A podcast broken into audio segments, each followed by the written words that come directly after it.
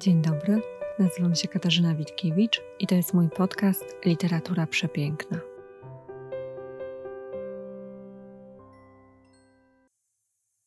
Chcę dzisiaj Państwu opowiedzieć o książce, która jest często określana mianem książki dla dzieci, ale moim zdaniem będzie to świetna propozycja, także prezentowa, dla osób w każdym wieku. Rok temu przed świętami kupiłam 8 takich książek, 8 egzemplarzy. Podarowałam je siostrom, mojej mamie, podarowałam je też przyjaciółkom. I każda z tych osób mówiła o niej same dobre rzeczy. I dobrze wiem, że nawet w tym roku już do niej wracają, zaglądają i wprowadzają się w świąteczny nastrój. Książka nosi tytuł Idą święta i autorką jest Monika Utnik-Strugała i udała jej się rzecz niezwykła, czyli napisanie w ciekawy sposób o rzeczach, które są powszechnie znane. Na pewno też na odbiór wpływa przepiękna oprawa graficzna, a więc praca pani Ewy Poklewskiej-Kozieło, bo na każdej stronie są wspaniałe ilustracje. Całość jest przecudowna, barwna, bardzo starannie zszyta, ma twardą oprawę. Naprawdę to jest taka książka, którą chce się mieć w dłoni, przeglądać, dotykać, przewracać strony, czytać oczami w taki sposób zachłanny. Jeśli ktoś jest takim bibliofilem jak ja, czyli najpierw lubi sobie na książkę popatrzeć i sprawdzić, czy jeszcze czuć zapach farby drukarskiej, to na pewno będzie zachwycony. Co do samej treści, bo ona tutaj jest najważniejsza, to mamy tutaj kompleksową opowieść o zwyczajach okołoświątecznych z całego świata. Tych grudniowych i tych styczniowych osią jest oczywiście Boże Narodzenie. Jeśli ktoś chciałby wiedzieć, o czym jest ta książka bez zaglądania do spisu treści, to polecam sobie wyobrazić, że mamy na pokładzie pięciolatka, który o wszystko dopytuje i przychodzi do nas i pyta, a co to jest adwent, a skąd wzięła się choinka, a co to jest kutia, a dlaczego gwiazda betlejemska jest czerwona, a gdzie mieszka Mikołaj i tak dalej, i tak dalej, i tak dalej. I to wszystko i wiele więcej czeka na nas właśnie na tych 175 pięknych stronach. Mamy proste, piękne odpowiedzi na piękne świąteczne pytania. Nie sposób opowiedzieć o wszystkich poruszonych tematach, bo oprócz takich klasyków jest tutaj dużo o szopkach, o jarmarkach, o kolendach, o tym, kiedy powstały, o tym, że w Polsce powstało ich najwięcej, o chińskim Nowym Roku, o Hanuce. Dlatego, aby Was zachęcić, opowiem trzy historie z tej książki. Pierwsza z nich dotyczy wieńca adwentowego, który wiele osób ma teraz w swoich domach. Ja też mam taki wieniec na stole. Co niedzielę zapalam na nim świecę, patrząc, ile mnie jeszcze dzieli od Bożego Narodzenia. I historia brzmi tak. Pierwszy taki wieniec powstał w Hamburgu niemal 200 lat temu. I był tam sierociniec, który założył Johann Heinrich Wichern. To był niemiecki ksiądz, teolog i nauczyciel, który był bardzo zaangażowany w swoją pracę. Wichern traktował swoich wychowanków w sposób bardzo troskliwy i świadomy, i mówiąc tak prostymi słowami, było mu bardzo żal, że dzieci spędzają święta bez rodziców, bez rodzin. Zastanawiał się, co zrobić, co może wymyślić, aby podarować im poczucie przynależności do wspólnoty i sprawić, że ich święta nie będą samotne. I pewnego dnia przyszło mu do głowy, że weźmie stare drewniane koło, przymocuje do niego 24 świece i zapoczątkuje taką tradycję, że każde dziecko zapala jedną świecę dzień po dniu. A więc jednego dnia jedno dziecko ma za zadanie zapalenie świecy, drugiego dnia kolejne, trzeciego kolejne. W ten sposób dzieci będą miały coś, co da im poczucie, że są ważne, ale też pozwoli im spędzać czas razem w tym oczekiwaniu na święta. I tak właśnie wygląda początek naszej tradycji z wieńcami. Pierwsze wieńce właśnie powstawały później na wzór tego wieńca właśnie w Hamburgu, a stamtąd poszły na cały świat w takiej formie, w jakiej znamy je obecnie.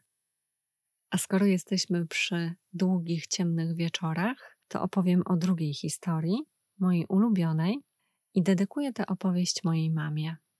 Gdy zaczyna się adwent, to to zwykle zbiega się ze zmianą czasu, dni robią się coraz krótsze, wielu z nas odczuwa spadek energii, bo po prostu brakuje nam światła. Wstajemy, gdy jest ciemno, wracamy do domu, gdy jest ciemno, cały czas jest ciemno. Można mieć takie wrażenie, że ta ciemność okrywa całe życie. I wtedy, w połowie grudnia, a dokładnie 13 grudnia, w tę ciemność wkracza święta Łucja, zwiastując nam, że już tylko 12 dni dzieli nas od Bożego Narodzenia. Święta Łucja wnosi nam światło, i od tej pory każdy dzień będzie coraz dłuższy i rozświetlony jej blaskiem i tradycją.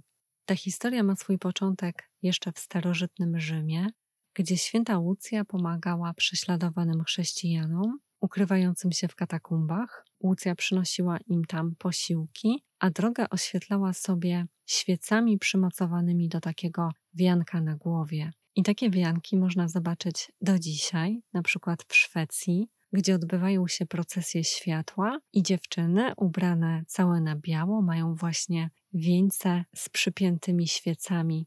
A w ramach ciekawostki powiem jeszcze, i to też jest zawarte w naszej książce, że trzy dni przed świętem świętej Łucji, czyli 10 grudnia, w ratuszu w Sztokholmie odbywa się uroczystość wręczenia Nagrody Nobla. To jest oczywiście coroczna tradycja, zawsze 10 grudnia, i osoby, które mają otrzymać nagrodę, są budzone właśnie przez panny ubrane na biało na wzór świętej Łucji. One przychodzą o świcie w białych szatach z płonącymi koronami na głowach i zdarza się, że nobliści, nie znający tej tradycji, reagują z dość dużym przerażeniem i podobno nawet zdarzyło się, że jeden z laureatów wypadł na korytarz, chwycił gaśnicę i zaczął gasić biedne dziewczyny. I pora na trzecią historię, tym razem dotyczącą kolendy, cichej nocy. I gdy zaczynam teraz Wam o tym opowiadać, to czuję się jak Wojciech z pierwszej części listów do M, który przychodził do domu, przyjeżdżał do domu i każdą wigilię rozpoczynał zdaniem: Nieodmiennie zadziwia mnie historia tej kolendy. Więc mnie też nieodmiennie zadziwia historia tej kolendy, która ma swój początek w tym, że młody ksiądz Józef Mor odwiedził pewną rodzinę, w której urodziło się dziecko. Ta rodzina była dość uboga i młodego księdza ujęła ogromna radość, z jaką rodzice powitali dziecko na świecie.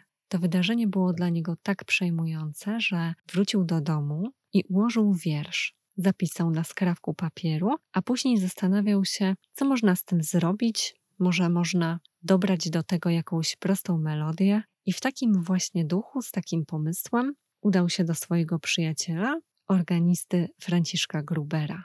Był rok 1818, wczesne wigilijne popołudnie. Ksiądz Józef Mor zawędrował do swojego przyjaciela, ale okazało się, że kościelne organy nie działają, więc przyjaciele musieli ratować się gitarą. Pracowało im się na tyle dobrze i to wszystko poszło tak sprawnie, że kilka godzin później, podczas pasterki, kolenda Cicha Noc została wykonana po raz pierwszy. I cóż, chwyciła wszystkich za serca. I od tamtej pory, na pamiątkę tego wydarzenia, do miasteczka Obendorf co roku przybywają turyści, pielgrzymi, ludzie z całego świata, żeby razem wykonać tę wyjątkową kolendę. I tam, gdzie kolenda została wykonana po raz pierwszy, gdzie miała swoją premierę, a więc w tej małej świątyni, tam na jej miejscu teraz stoi kapliczka otoczona choinkami. Ona jest nieduża i w środku ma witraże i na jednym z nich widać właśnie Franciszka Grubera z gitarą w ręku, na drugim widać Józefa Mora z gęsim piórem i papierem.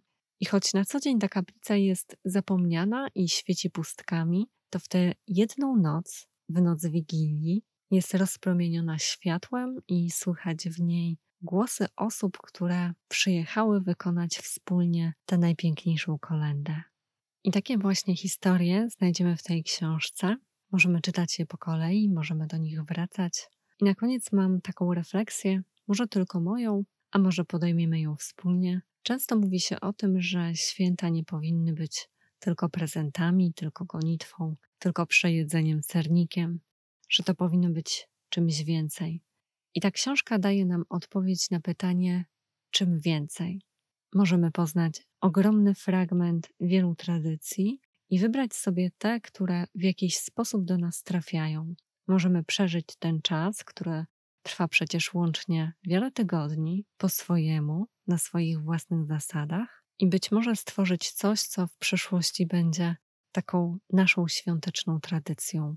Może to będzie wieniec adwentowy, może to będzie pochód świętej Łucji, a może to właśnie będzie wspólne śpiewanie kolęd i czekanie na to, aż się spełni cud.